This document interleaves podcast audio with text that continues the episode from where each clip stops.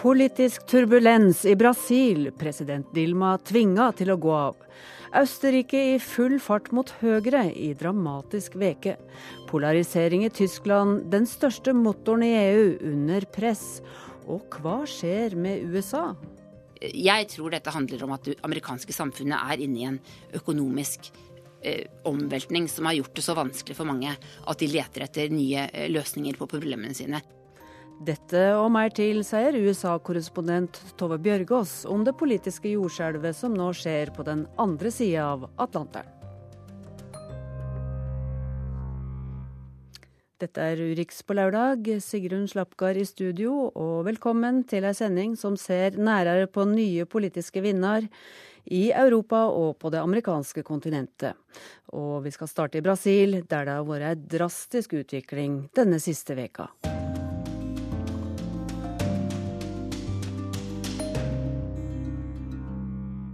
President Dilma Rousef skal nå stilles for riksrett og er suspendert. Ei ny regjering har tatt over. Mange i Brasil håper at dette skal bli et vendepunkt for det kriseramma landet, mens andre er bitre og kaller det som har skjedd et statskupp. Arnt Stefansen har sendt oss denne reportasjen fra Rio de Janeiro. En votasjon. 465. Det er tidlig morgen i Brasilia torsdag denne uken. Etter en mer enn 15 timer lang debatt er det klart for avstemning i parlamentets overhus, Senatet. Sim, 55. Og resultatet blir som ventet. Med 55 mot 22 stemmer beslutter Senatet å stille landets president Dilma Rousef for riksrett. Et dramatisk klimaks på en lang og bitter strid her i Brasil. Og mange brasilianere gleder seg over resultatet. For Dilma Rousef fra Arbeiderpartiet, PT, er ingen populær president. Bare drøyt 10% av velgerne mener hun gjør en god jobb, og mange mener hun har hovedansvaret for at Brasil befinner seg i en dyp økonomisk krise. Blant dem som feirer senatets beslutning, er forretningsmannen Pedro Alcantara. Brasil er ikke som Venezuela, og blir det heller ikke. Her i Brasil er det mulig å bli kvitt en udugelig president og å få til forandring. Derfor er dette en gledens dag og en oppmuntring for fremtiden, sier han. Men langt fra alle brasilianere deler hans oppfatning.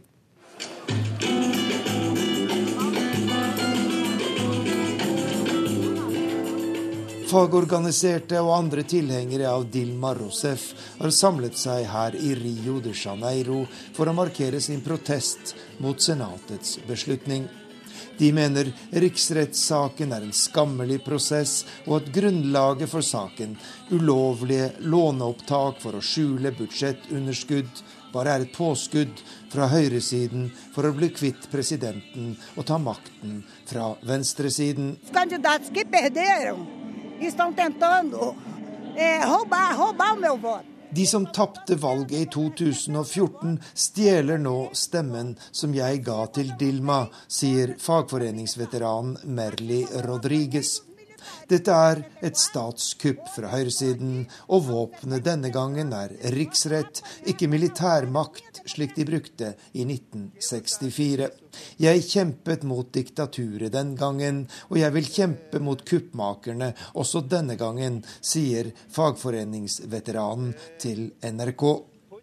Og Dilma Rousef selv tok et bittert farvel med sine politiske motstandere torsdag ettermiddag Det o momento em as forças da injustiça e da, e da traição Vi opplever at urettens og forræderiets krefter er sluppet løs. Og dette er for meg en svært trist dag. Men mot denne uretten vil jeg fortsette å kjempe, for vi kan ikke leve med at demokratiet settes til side, og at det er kuppmakere som skal regjere i dette landet, sier hun. Senatets vedtak om riksrett betyr at Dilma Rousef er suspendert fra embetet som president i inntil 180 dager, og i hennes sted regjerer nå visepresident Michel Temer fra sentrumspartiet PMDB. I sin tiltredelsestale torsdag kveld la den nye presidenten vekt på sin store tillit til Brasil og det brasilianske folket. Confiança na recuperação da economia nacional. Jeg stoler på at vi vil få Brasils økonomi på fote igjen, og jeg stoler på dette landets enorme potensial og dets sosiale og politiske institusjoner. Jeg har også stor tillit til vår evne til å stå sammen for å møte de store utfordringene som vi nå står overfor, sier den nye presidenten Michel Temer. Det politiske dramaet her i Brasil har også betydning for Norge. Norske bedrifter har investert mer enn 200 milliarder kroner i dette landet, den største utenlandssatsingen utenfor EU og USA. Norsk næringsliv i Brasil har vært lite tilfreds med president Dilma Rousef, som man mener har drevet en proteksjonistisk og lite markedsvennlig politikk. Men direktør Kjetil Solbrekke i Rysta Energy mener det nå kan bli en bedring. De aller fleste tror jeg forventer at dette vil føre til en, en bedring i den økonomiske situasjonen.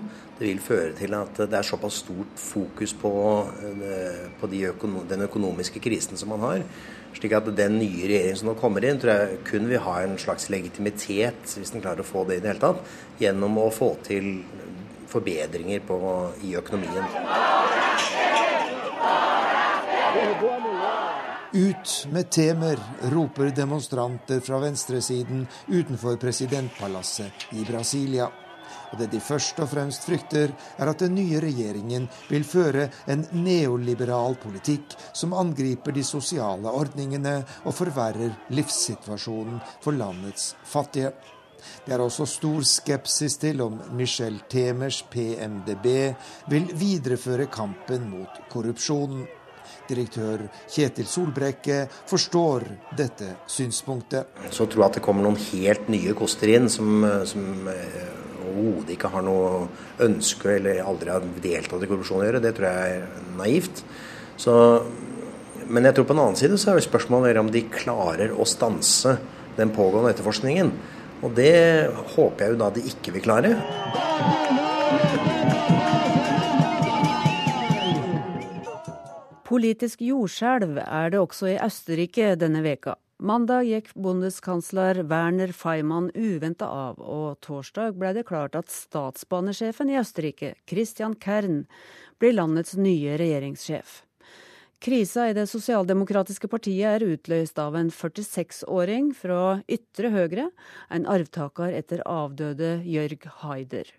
Mannen heter Norbert Hofer, og hans sterkt innvandringskritiske parti, FPØ, leier kampen om å bli landets nye president. Vi skal til Wien, der Roy Freddy Andersen har vært med på folkemøte. Han er 46 år ung, går med stokk og ofte en pistol i beltet. Norbert Hofer er mannen som har rystet det politiske liv i Østerrike så kraftig at landets bondeskansler denne uken gikk av. Samtidig har han fått alarmklokkene til å kime i Europa.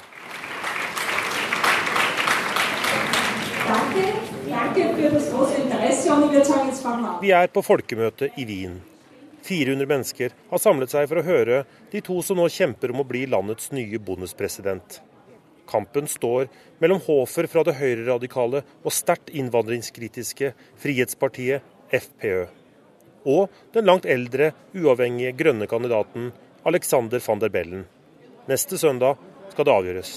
Es gibt sehr tüchtige Ausländer, die in Österreich sind. Meine Nachbarn sind solche. Ähm, det finnes mange gode og dyktige mennesker blant dem som kommer til Østerrike, men det finnes dårlige folk også, som driver med narkotikasalg og som utøver vold mot kvinner og barn.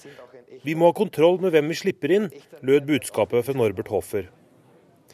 Det var i første valgomgang 24.4 at Hofer dundret inn på den politiske scenen i Østerrike. Med over 35% av stemmene slo han knockout på motstanderne i det sosialdemokratiske partiet SPØ og det konservative folkepartiet ØVP.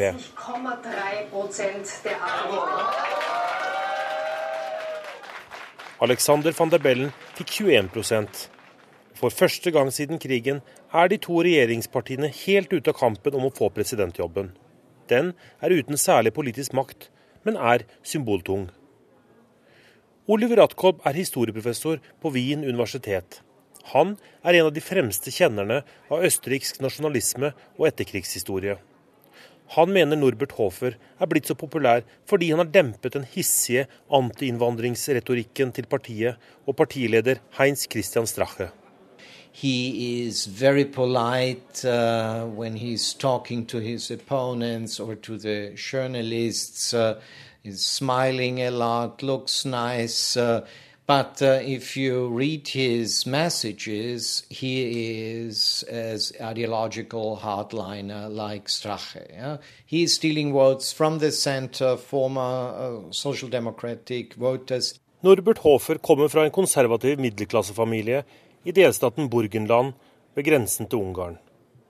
Han har jobbet tett med partileder Strache etter at omstridte Jurg Haider gikk av som partileder i FPØ for elleve år siden. I 2003 skadet Hofer seg stygt i en paragliderulykke. Siden har han haltet og gått med stokk. Han er en ivrig skytter og er ofte å se med en Glock-pistol i beltet. At flere bærer våpen, er en naturlig reaksjon på asyl- og migrantkrisen i Europa, mener Hoffer. Usikre tider, kaller han det. I fjor tok Østerrike imot 90 000 asylsøkere og migranter, nest flest i Europa målt etter innbyggerantall. Det er en viktig forklaring på FBØs fremgang, men ikke hele. Protest uh. Norbert Hofers store seier i første valgomgang har skapt to av de mest dramatiske ukene i Østerriks politikk på flere tiår. Det sendte det sosialdemokratiske partiet rett ut i en alvorlig krise. Den interne misnøyen med partileder og bondeskansler Werner Feimann har vært voksende. Det skuffende valgresultatet fikk det til å koke over. Under den tradisjonelle 1. mai-festen på partiets store dag ble han møtt av plakater og fyrrop i hovedstaden. Mange mener partiets standpunkter drukner i kompromisser i regjeringen.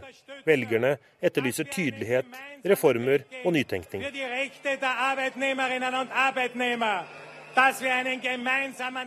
Mandag denne uken gikk Foyman på talerstolen og trakk seg med umiddelbar virkning etter nær åtte år som regjeringssjef i den gamle stormakten.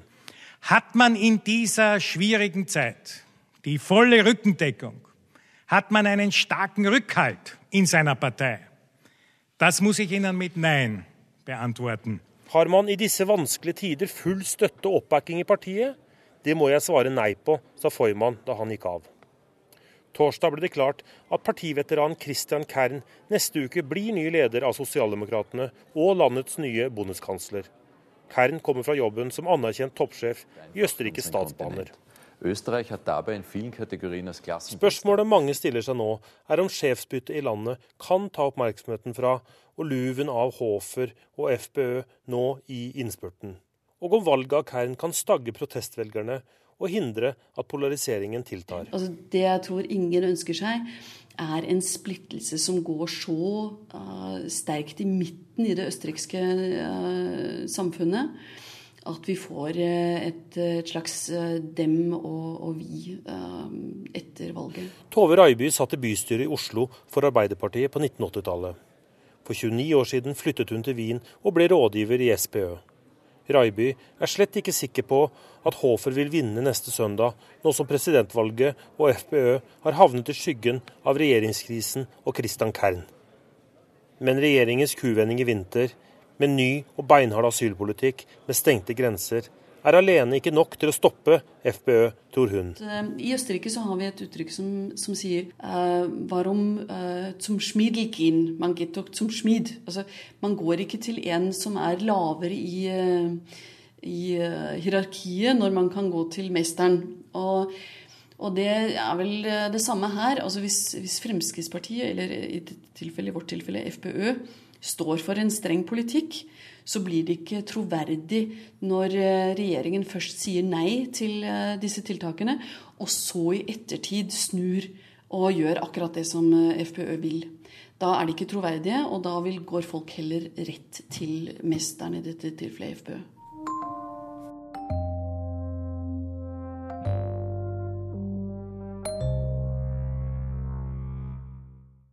Anders Ravik Djupskås, eh, velkommen til studio. Takk skal Du ha. Du har forska i flere år på høyreframmarsjen i Europa.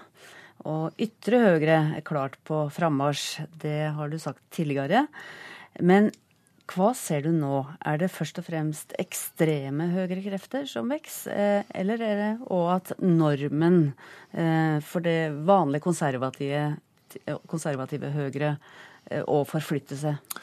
Her tror jeg vi ser en kombinasjon. Eh, på den ene siden er det noen land som har hatt veldig ekstreme grupperinger langt ute til høyre som har vokst. Først og fremst er det i Hellas og i Ungarn, som har vært rammet av både politiske og økonomiske kriser.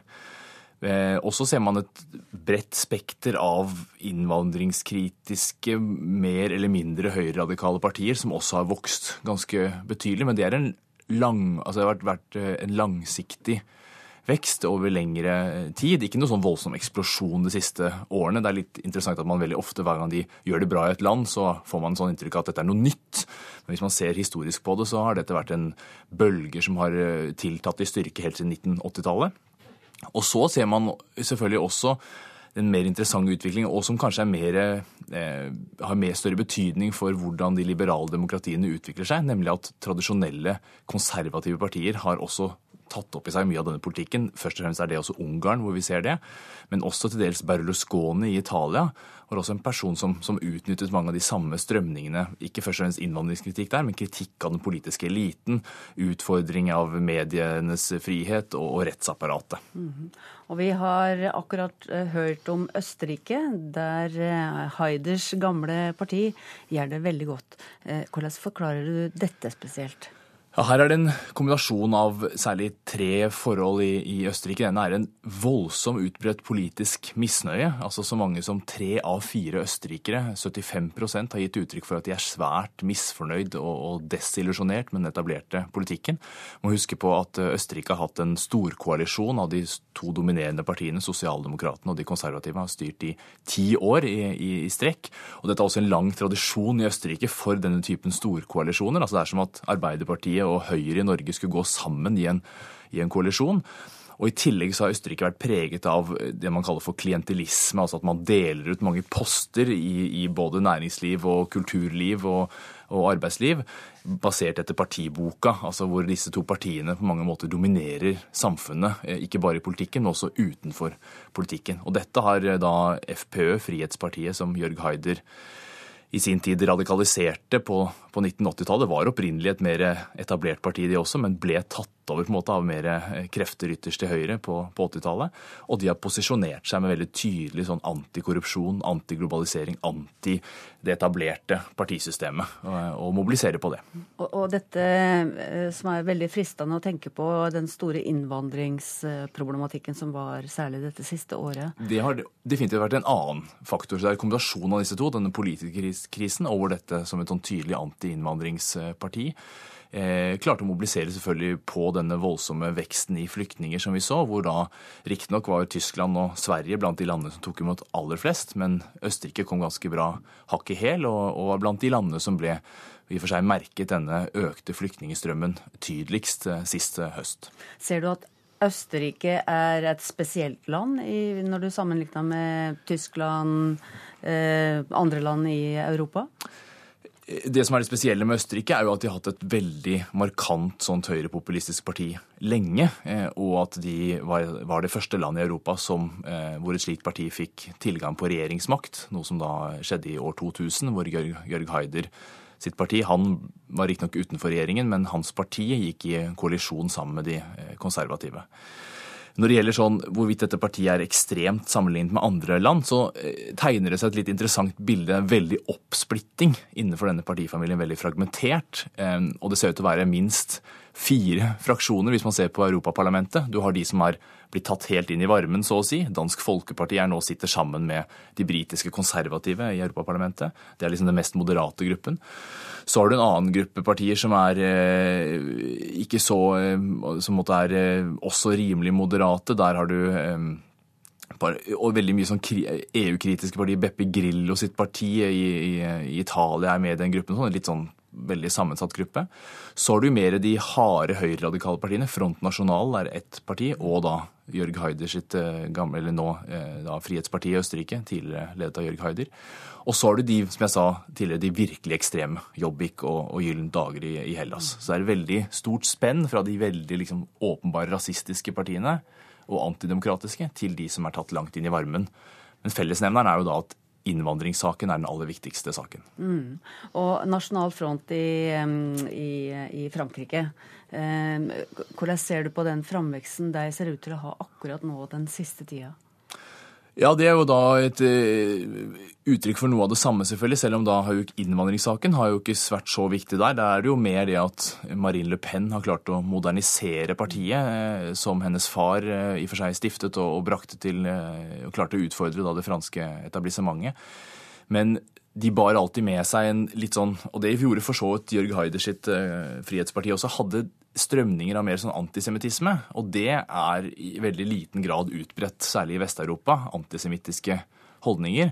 Men islamofobe holdninger og, og, og, forakten for muslimer og islam er mye mer utbredt. Og når både da FPØ i, i Østerrike og Front National i Frankrike har dreid partiet i den retningen, så har de også blitt akseptert som mer stuerene og fått betydelig oppslutning også utenfor de mer tradisjonelle høyreradikale eh, kretsene. Ja, De annonserte kampsakene nå, så jeg, var å ødelegge FN. Altså Marine Le Pen, Nasjonal Front i Frankrike, vil gå til angrep på FN. Eh, altså humani den humanistiske arven, kan du kanskje tolke det som. Eh, hvordan ser du på det? Paradoks at partiet også har forkortelse FN, da.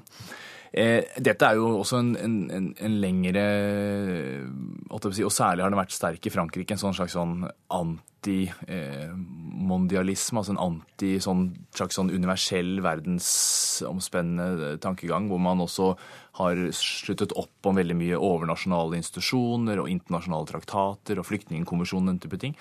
Og, og, alt dette er noe de partiene er veldig kritiske til som ettersom de tross alt er liksom grunnleggende sett nasjonalistisk orientert. Vi ser også på, på eksempler som velferdssjåvinisme, hvor veldig mange av partiene har denne franskmenn først, østerrikere først, eh, svensker først, dansker først. altså den, Denne typen retorikk eh, gjør jo at eh, det er veldig naturlig for dem å kritisere internasjonale institusjoner og overnasjonale organer, som EU også er, hvis de oppleves å true den nasjonale identiteten eller, eller foreslå politikk som går på, på tvers av det de selv mener er bra for deres eget land. Vi er nå inne i ei tid der eh, innvandringskritikk veldig ofte blir kobla opp mot høyre radikal, høyre ekstrem. Eh, er det en farlig kobling? Og det er jo disse partiene, det er jo det typiske at eh, denne saken er den viktigste, og de har vokst frem eh, med, det, med dette som et bakteppe, som den nye dominerende skillelinjen i europeisk politikk, sammen med miljøsaken. Det er jo de to nye sakene som måtte ha utfordret den tradisjonelle klassebaserte eh, motsetningene i europeisk politikk, som da sosialdemokratene og de konservative partiene opprinnelig mobiliserte på. Eh, jeg tror det er viktig å skille mellom eh, og Først er det jo riktig som du sier at innvandringskritikken er mye bredere. Eh, innvandringsskepsisen har jo også hatt fotfeste innenfor både sosialdemokratiske partier. Fagbevegelsen har jo alltid vært kritisk til for mye arbeidsinnvandring fordi det kan føre til sosial dumping. Så det er veldig mange forskjellige typer argumentasjoner som brukes for å ha en begrenset innvandring. Det som skiller disse partiene fra de andre, er denne tydelige fremmedfryktkomponenten. Altså hvor man, sier, hvor man ikke bare er kritisk til innvandring fordi det kan føre til eh, reduserte lønninger, eller det kan føre til eh, problemer med integrasjon, økonomiske utfordringer for velferdsstaten og slikt, men også den at det truer våre verdier og vår identitet. Og det ser man veldig tydelig når man gjør survey, og meningsmålingsundersøkelser blant disse velgerne og blant deres representanter, at dette fryktperspektivet det er det nesten utelukkende de partiene som har. Så jeg tror det er viktig å, å, på en måte prøve å nøste opp i at det er ulike eh, måter å være kritisk til innvandring på, og disse partiene skiller seg ut på noen, noen av disse. Og er veldig ene alene om å fronte noen av disse eh, måtene å kritisere det på. til slutt, da du skrev boka di i 2012, var det vel 'Ekstreme Europa'. Da pekte du på finanskrisa som en viktig faktor. Eh, hvordan ser du på den faktoren nå? Ja, her tror, jeg, her tror jeg, Hvis jeg husker mine egne resonnementer rett, da, som jeg håper, så, så, er det tydelig at økonomiske krisen har dels eh, i noen land selvfølgelig bidratt til en økt Og det som finanskrisen førte også til en EU-eurokrise etter hvert. Så det, så det bidro til en voksende skepsis overfor hele EU-prosjektet. Eh, men det interessante er at i mange land så er det først og fremst venstrepopulistiske partier i Sør-Europa, Podemos i Spania, Syriza i Hellas, som egentlig har vokst mest på krisen. For mange av disse partiene er jo primært opptatt av kultur, identitet, eh, til dels kritiske til religion, altså det er innvandringssaken. Det er ikke primært økonomi. sånn at eh, i en del land så gikk partiene tilbake litt i kjølvannet rett av krisen. Men så kan på en måte krisen igjen ha skapt økt grobunn for politisk mistillit. da, Som igjen fører til at disse partiene eh, får oppslutning. Så det er litt komplisert bilde hvor eh, økonomiske krisen ikke er så sentral i en del land, men har da ført til et kollaps da, i land som Hellas og, og til dels også Ungarn. Så, så, i noen land får man veldig ekstreme utslag, men generelt så har eh, krisen av mindre betydning. Mm, men det er en farlig tid vi lever i? Ja, Det er i hvert fall en, en tid hvor europeisk politikk er i, i tydelig endring. Over noen land eh, har vært, har, ser vi tendenser til at det liberale demokratiet er under press. Mm, takk for at du kom i studio.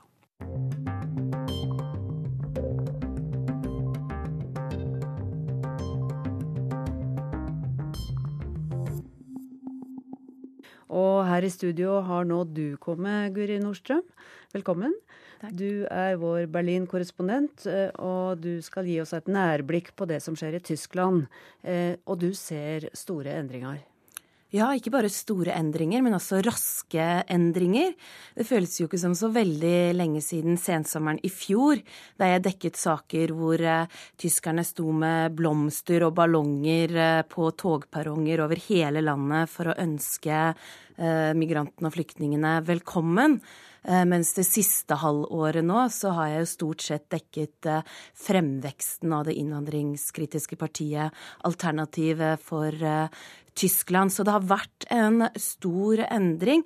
Men samtidig, dette er heller ikke en endring som har kommet fra en dag til en annen.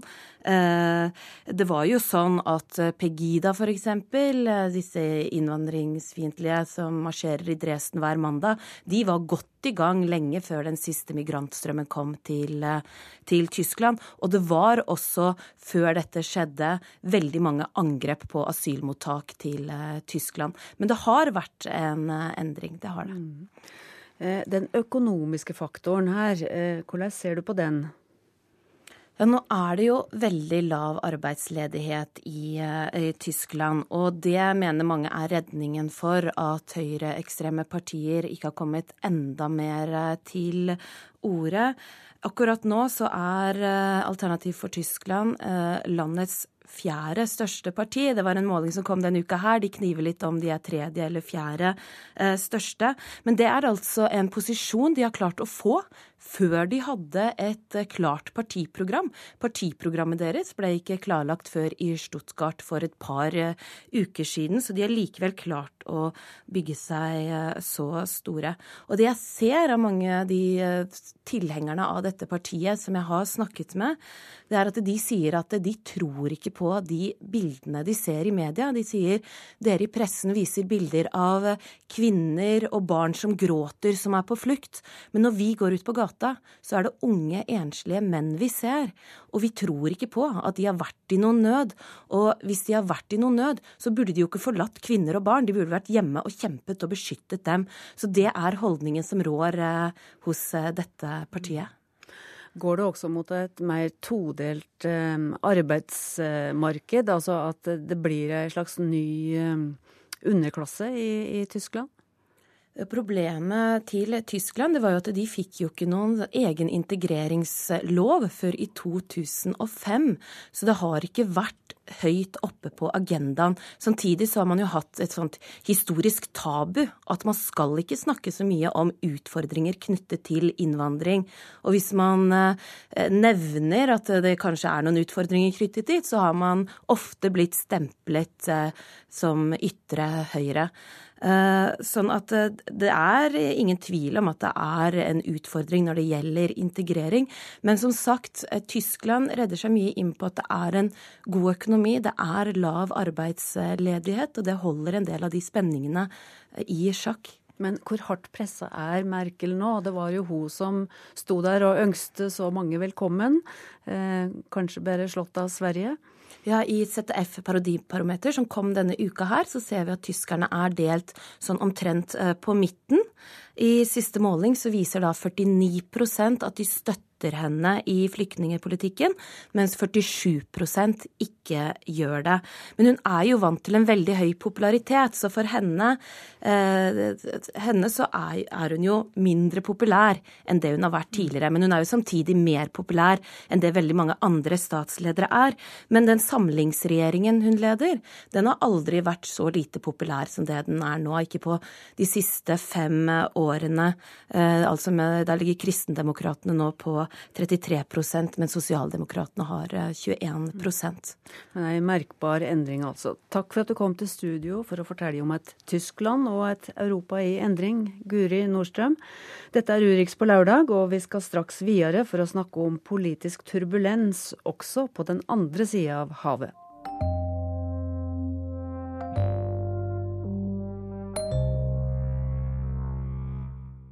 Tove Bjørgaas, velkommen i studio. Du er vår USA-korrespondent. Tusen takk. Og har i den siste tida vært tett på Trump og hans mobilisering. Høg underholdningsverdi, men med alvorlige undertoner. Er det ei reell høyrebølge eh, Trump er et uttrykk for? Det er det jo absolutt. Nå er det jo ikke sånn at hele USA står bak Trump. Det er jo bare en liten del av befolkningen som støtter han, rundt 30% Men men vi ser på disse møtene hans at, at, at det nesten Noe av dette minner jo om høyere ekstremisme, nesten når du ser hvilken stemning som utløses av disse talene. hans. og vi har sett voldelige sammenstøt på møtene, at demonstranter er blitt kastet ut, og at også folk har sagt at de skal slå til hverandre. altså Sånne type ting. Så, så det, det, det, kan jo faktisk være ganske ubehagelig stemning også på noen av de møtene der jeg har vært. Mm. Ja, det vi i Europa ofte sier er brune tendenser, altså nasjonalisme, fremmedfiendtlighet, eh, muslimhat. Eh, er det òg ingredienser som du gjenkjenner? Ja, noe av det første Trump sa, og som han fikk stor oppmerksomhet for, var jo når han sa at muslimer ikke skal få slippe inn i USA hvis han blir president. Eh, og det, trakk, det vakte jo stor avsky blant mange, men samtidig så trakk det jo veldig mange til ham. Og i USA så har man jo ikke den samme historien med høyreekstreme som du har i Europa, kanskje ikke minst fordi ikke sant, eh, Holocaust har jo vært en veldig sterk historie så. Det er en stor relativt stor jødisk befolkning der som har fortalt den historien. Men vi har jo historien med Ku Klux Klan og raseskillepolitikken. Og der har vi også sett at, at en del av, av, de eh, som støtter de strømningene har gått inn for Trump offisielt, og at han blant annet nektet å, å si at han tok avstand fra, fra noen av dem. Eh, det, det, så, så, du, så, du, kan jo kalle det noe av det brunstripet, holdt jeg på sagt. Men det er klart at man kan jo ikke kalle ham for en høyreekstrem politiker. Men at han leker lefler med disse tendensene, det, det er helt klart. Og, og, og, det er også derfor folk har sagt at han kan aldri vinne fram. Men nå har han jo også gjort det. Så det er jo det mange lurer på. Hva betyr det for både det republikanske partiet og for de som støtter ham, og for hvor mange flere som vil komme til? Ja, og hva betyr det egentlig? Altså, Du brukte ordet eh, leike. Eh, mange har jo sagt at dette er mediebevisste utspill som han kommer med nå i en etappe av valgkampen, men at det kanskje ikke er så reelt innhold i alt han kommer med? Nei, det vet vi jo ikke helt, men, men han, han, han har jo helt klart et veldig bevisst forhold til at når han sier disse tingene, så vekker han jo den medieinteressen han er på jakt etter. Og har også, vi har også sett at når han har sagt de mest ekstreme tingene, så har det ført til gode valgresultater i mange av disse delstatene. Og så bare det at han kastet seg inn i valgkampen Han er jo en av dem som helt fra starten har påstått at Barack Obama ikke er amerikansk statsborger. Han har vært snakk om at han har en falsk fødselsattest. Eh, og, og, og, og dette voldsomme rasistiske hatet mot Barack Obama som, som, eksisterer i USA. Der en god del av disse tilhengerne til Trump er rasende på ham fordi de mener han er rett og slett også pga. hudfargen hans. Eh, det har vi også sett. Det, og dette er noe amerikanerne ikke er vant til å se på så høyt politisk eh, nivå. Og, og en del av de som er på disse møtene Jeg har jo møtt mange de siste månedene som sier at de kanskje aldri har stemt, eller ikke har stemt på mange tiår. Og det er jo i, altså det overflertallet er jo da hvite menn eh, som, som, som, er de mest aktive støttespillerne hans. Så, så det er jo no, tendenser amerikanere har problemer med fordi de er ikke vant til å se dette i sitt eget land. Men da tyder det også på at han har eh, truffet noe som ulma fra før? Altså har sett ord på ting som kanskje har hatt vanskelig for å komme fram? At han slik sett er i kontakt med grasrota, da, for å bruke det ordet? Ja, jeg tror det. Dette er jo en del ting som mange amerikanere har snakket om i, si, bak, i bak, bakhagen, var det en kollega av meg som brukte det begrepet mm. her om dagen. Eh, og nå kommer det fram i lyset. Eh, i 1968 så oppfant Richard Nixon begrepet 'den tause majoriteten'. Og han snakket om alle de amerikanerne som ikke blir hørt, som ikke blir tatt alvorlig av elitene i landet sitt. Og, og det er jo også litt dette handler om at mange, mange som føler at de har tapt i samfunnsutviklingen de siste årene, føler at Trump hører på dem snakker til dem og bruker et språk som setter ord på det sinnet de føler. Og selv om han er en steinrik fyr som ikke kan identifisere seg med disse menneskene, så føler de at han er villig til å bruke sine penger på dem, og at det da gir dem en slags trygghet og en stemme. For en del år tilbake så hadde en jo kjensle av at det var en verdikonservativ høyrebølge i USA. Eh, men nå ser det altså ut til at det er, det er virkelig blitt ei splitting i det republikanske partiet. Hvordan tolker du den? Altså, Den kristenkonservative delen av partiet, der er det faktisk også en del som har gått inn for Trump. Men, men den delen er i ferd med å bli mindre, den delen av partiet. Eh, religionsutøvelsen i USA, selv om at amerikanere er mye mer religiøse enn europeere fortsatt, er på vei ned. Og de som støtter Trump, der ser du mer folk som, som jeg sier, sliter eh, samfunnsøkonomisk, og også en god del av de velgerne som tradisjonelt er på vippen mellom demokrater og republikanere. Fordi de, de er typisk eh, arbeiderklassevelgere som sant, kanskje også ønsker seg mer den sosialpolitikken demokratene har tilbudt. Men som nå føler at demokratene er blitt en, en elite av høyt utdannede som de ikke kan identifisere seg med. Så, eh, så det, er, det er Jeg tror den misnøyen vi ser i samfunnet, der kan vi nok snakke om en bølge. Og spørsmålet er hva det gjør med partiet, fordi partiet har, som du sier, fjernet seg fra grunnfjellet, ikke vært i stand til å, å løse problemene til de de har sett på som sine kjernevelgere, som er altså da har ikke minst vært eh, ikke veldig velstående mennesker, f.eks ute på bygda i USA. Mm, ja, eh, Snakk om eh, de økonomiske grunnvilkårene. Du dekka jo den eh, store krisa for noen år siden. Hvor viktig har denne faktoren med økonomien vært nå, tror du? Nei, altså, I løpet av Barack Obamas presidenttid siden finanskrisen så har jo ledigheten gått ned, og det går nå til slutt bedre med økonomien. Men det går jo langsomt. Men det som har skjedd hvis du ser 30 år tilbake, er jo at medianlønningen i USA har falt. Så vanlige folk har fått det mye vanskeligere, mens de rikeste og de som eh, utløste finanskrisen fordi de hadde satset alle disse boliglånene til folk, de har fått det bedre. Mens de som kanskje mistet hus og hjem, har ikke fått noe nytt hus og hjem. Eh, vi ser at eh, å få opp antallet boligkjøpere, det går veldig, veldig sakte. Så veldig mange av taperne i finanskrisen er fortsatt tapere, og er blitt mer tapere de siste, siden da 2007-2008, når dette ble utløst. Og, og, og, og at frustrasjonen er nå så sterk at vi ser det som, at det som skjer med Trump nå slår rot. Og så ser vi også litt på den andre siden med Bernie Sanders at de som kanskje ikke støtter resten av Trumps politiske prosjekt, kan tenke seg å gå til ham fordi han også ønsker en dyptgripende reform i det økonomiske systemet i USA. Motstand mot innvandring er jo en nøkkelfaktor i europeisk sammenheng. Eh, hvor viktig blir det da eh, i den fasen som eh, USA er i akkurat nå? Det er jo en av de viktigste sakene til Trump, denne veggen, denne muren han skal bygge mot Mexico. Eh, fordi eh, han er opptatt av å fortelle folk at det er latinamerikanske illegale innvandrere som har tatt fra dem eh, arbeidsplassene sine. Folk er også redde for flyktninger fra f.eks. Syria. Vært, han har sagt at man ikke skal ta imot muslimer. Det er en voldsom prosess for å få lov til å bli flyktning i USA nå. Men, men den store innvandringsbølgen til USA den kommer jo fra sør, sør for grensen mot Mexico. Og der der er det jo mange av disse samme som føler at, at de kommer seg oppover i samfunnet, mens hvite arbeiderklassevelgere blir stående på, på stedet hvil. Eh, og, og, dette er jo, er jo, den store utfordringen amerikanerne ikke har klart å løse på alle disse årene. Å få til en, en immigrasjonsreform som gir 20 millioner mennesker eh, noen slags arbeids- og oppholdstillatelse i landet. Eh, så, så, så, så, den saken har jo nå da tatt også en ny vending med Trump, som da jo ønsker å bare han har jo sagt at han skal deportere 12 millioner mennesker. Og, at, og han har lagt fram en plan for hvordan han skal opprette en politistyrke som skal sørge for dette så fort han blir president. Og dette er jo en av sakene du hører den største jubelen for på hans eh, valgmøter. Det er jo et paradoks i the melting pot. Eh, hvordan eh, er nedslagsfeltet i den store spansktalende befolkninga i USA?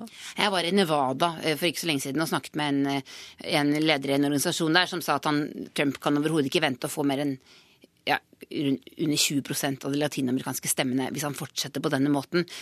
Eh, George W. Bush fikk et flertall av de stemmene. Og det er viktig for den som skal bli president i USA å sikre seg denne viktige velgergruppen som vokser veldig raskt i dette landet. Så det er det ene. Men det andre det er jo at USA er jo et land bygget på innvandring. Og det er veldig mange i USA som har et problem med at det prinsippet skal fravikes de er alle innvandrere, og det er en tradisjon de er stolte av. Så, så, veldig mange ønsker jo at det fortsatt skal være mulig å komme til USA. og Det er jo det som har gjort denne økonomien så stor og viktig, at det er mulig å komme dit og, hvis man har et talent, og, bygge seg opp. Eh, så det blir også spennende å se hvordan den debatten vil bli ført i, i, denne valgkampen. For der har jo Hillary Clinton selvfølgelig tatt det helt motsatte standpunktet og sagt at vi er en, en nasjon av innvandrere. Så dette kan komme til å styrke Hillary Clinton eh, i neste runde? Det tror jeg, men det er veldig mange som føler at denne immigrasjonen og globaliseringen, som det jo egentlig er et uttrykk for, for det handler jo også om at arbeidsplasser har forsvunnet til Kina og andre steder, eh, at, at, at, de, at, de, føler at dette er nå blitt et så stort problem at det ikke kan fortsette. Eh, så vi får se eh, hvordan det spiller inn i det republikanske partiets politikk. Men i valgkampen så er jeg helt sikker på at, immigrasjon kommer til å bli kanskje den aller største saken. Hva tror du nå? Tror du Trump i sin gode posisjon nå vil moderere seg og eh, nærme seg Hillary Clinton, eller hva slags eh, taktikk tror du han kommer til å spille ut? Jeg tror at han eh, kommer til å bølge frem og tilbake. I den økonomiske politikken så står han mye mer på midten enn mange republikanere gjør. Han sa i forrige uke at han ønsker å øke skattene for de rikeste, bl.a. Men det gjør han jo for å fri til disse velgerne på midten. Men de velgerne på midten, eh, det er mange av dem som har stemt på Demokratene tidligere. Eh, og, og derfor så tror jeg at det er der kampen kommer til å stå, altså blant de med litt lavere inntekt, og, og spesielt hvite velgere. Eh, og at vi vil, hvis Trump skulle klare å vinne valget, så er han nødt til å vinne noen delstater som demokratene vanligvis vinner. Sånn type Michigan, Ohio, Pennsylvania, det gamle rustbeltet. Og så vil vi kanskje se at andre ting vil skje i de mer tradisjonelle republikanske områdene. Eh, men det er tidlig ennå. Men, men han har vist at han er en mester til å håndtere den type utspillsvalgkamp som gir ham mediedekning og også sympati fra sine eh, kjernetilhengere. Og han bruker også Twitter til dette, så jeg tror vi får se at han kommer til å fortsette med den taktikken. Eh, og så kommer han til å moderere seg når han har behov f.eks. For, for å samle partiet eller få støtte, økonomisk støtte fra republikanerne har han også vist oss at USA, og det amerikanske samfunnet, er langt mer polarisert enn vi var klar over. Det er jo helt ekstremt polarisert. Men at det skulle gå så langt som det har gjort nå, det tror jeg ingen hadde ventet. Eh, og spesielt at altså, De fleste eksperter har jo avskrevet ham pga. de utspillene han har kommet med bl.a. Om, om immigrasjon og andre ting som er rasistisk betinget. Og også, eh, og også, det at han har så liten erfaring. Men det at vi også har fått Bernie Sanders på den andre siden, og nå har tatt i bruk hele det ideologiske spekteret i denne valgkampen, det var det ingen som hadde ventet. Det hadde heller ikke jeg. At vi skulle klare å få en, også en sosial, sosialistisk senator som nesten presidentkandidat. Så det er Jeg tror dette handler om at det amerikanske samfunnet er inne i en økonomisk omveltning som har gjort det så vanskelig for mange at de leter etter nye eh, løsninger på problemene sine. Så får vi se hvor det fører partisystemet i framtida. Spennende tider i møte. Takk til deg, Tove Bjørgaas.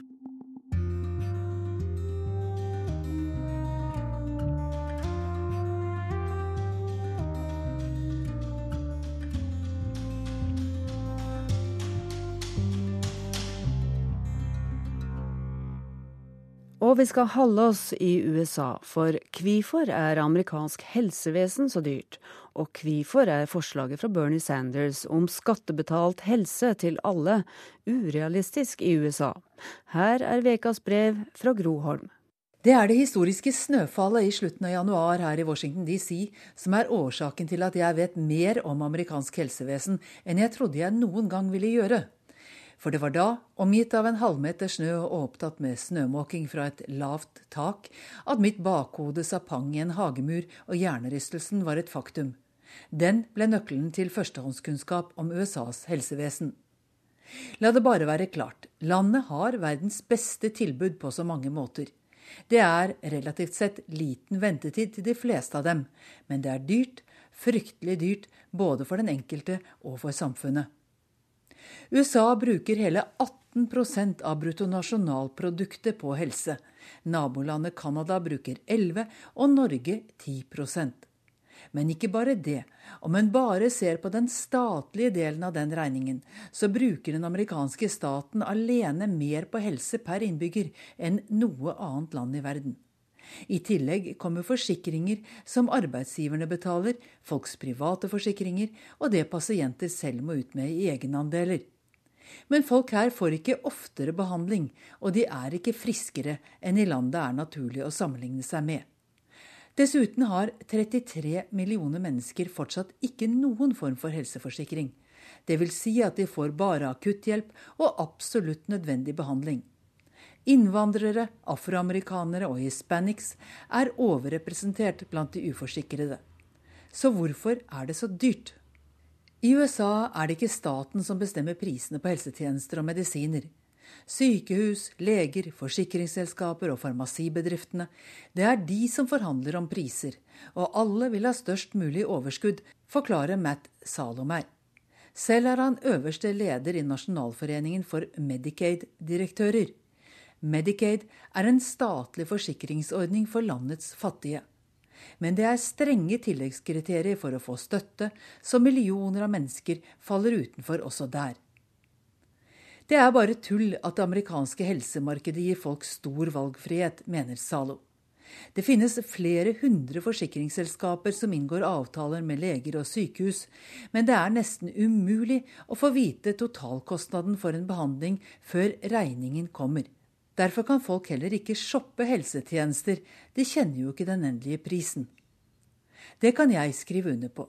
Da jeg kom til den tredje legen med hjernerystelsen, en nevrolog, fikk jeg beskjed om å betale 250 dollar før timen.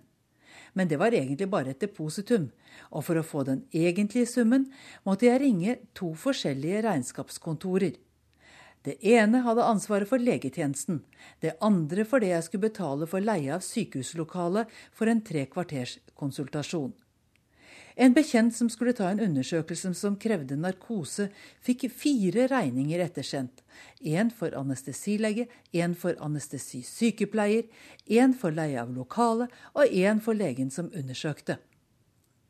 En gruppe leger fra bl.a. Harvard-universitetet publiserte for tre år siden en forskningsrapport som konkluderte med at USA kan spare 15% av de nasjonale helsekostnadene ved å innføre et system der staten alene betaler, i stedet for nær 900 private og offentlige forsikringsselskaper som i dag.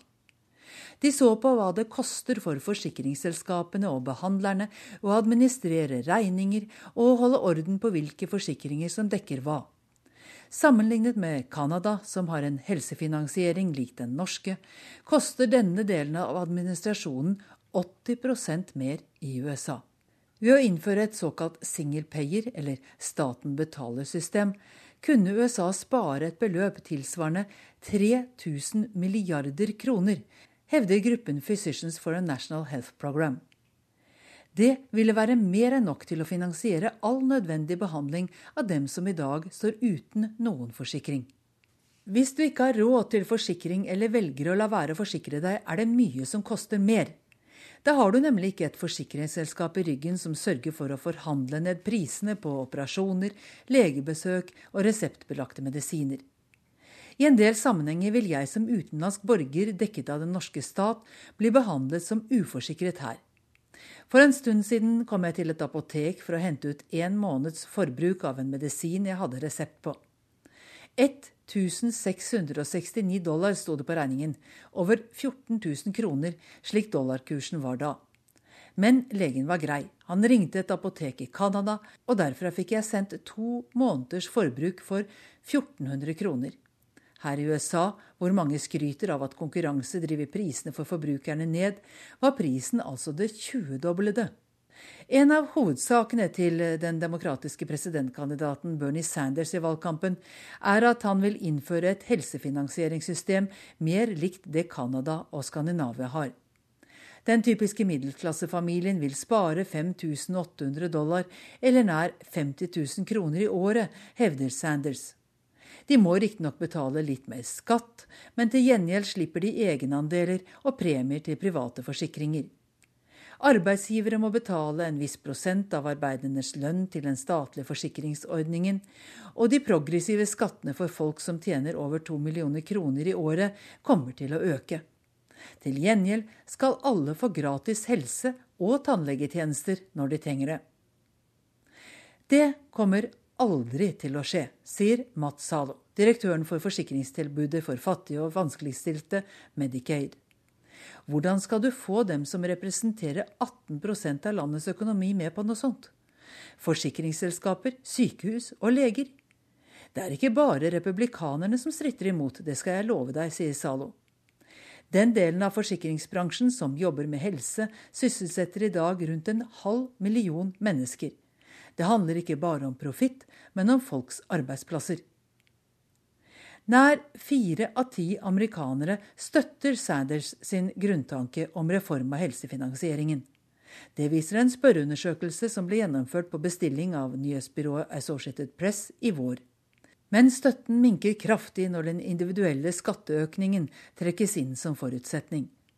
Sannheten er nok at amerikanere flest ikke klarer å forestille seg dette alternativet.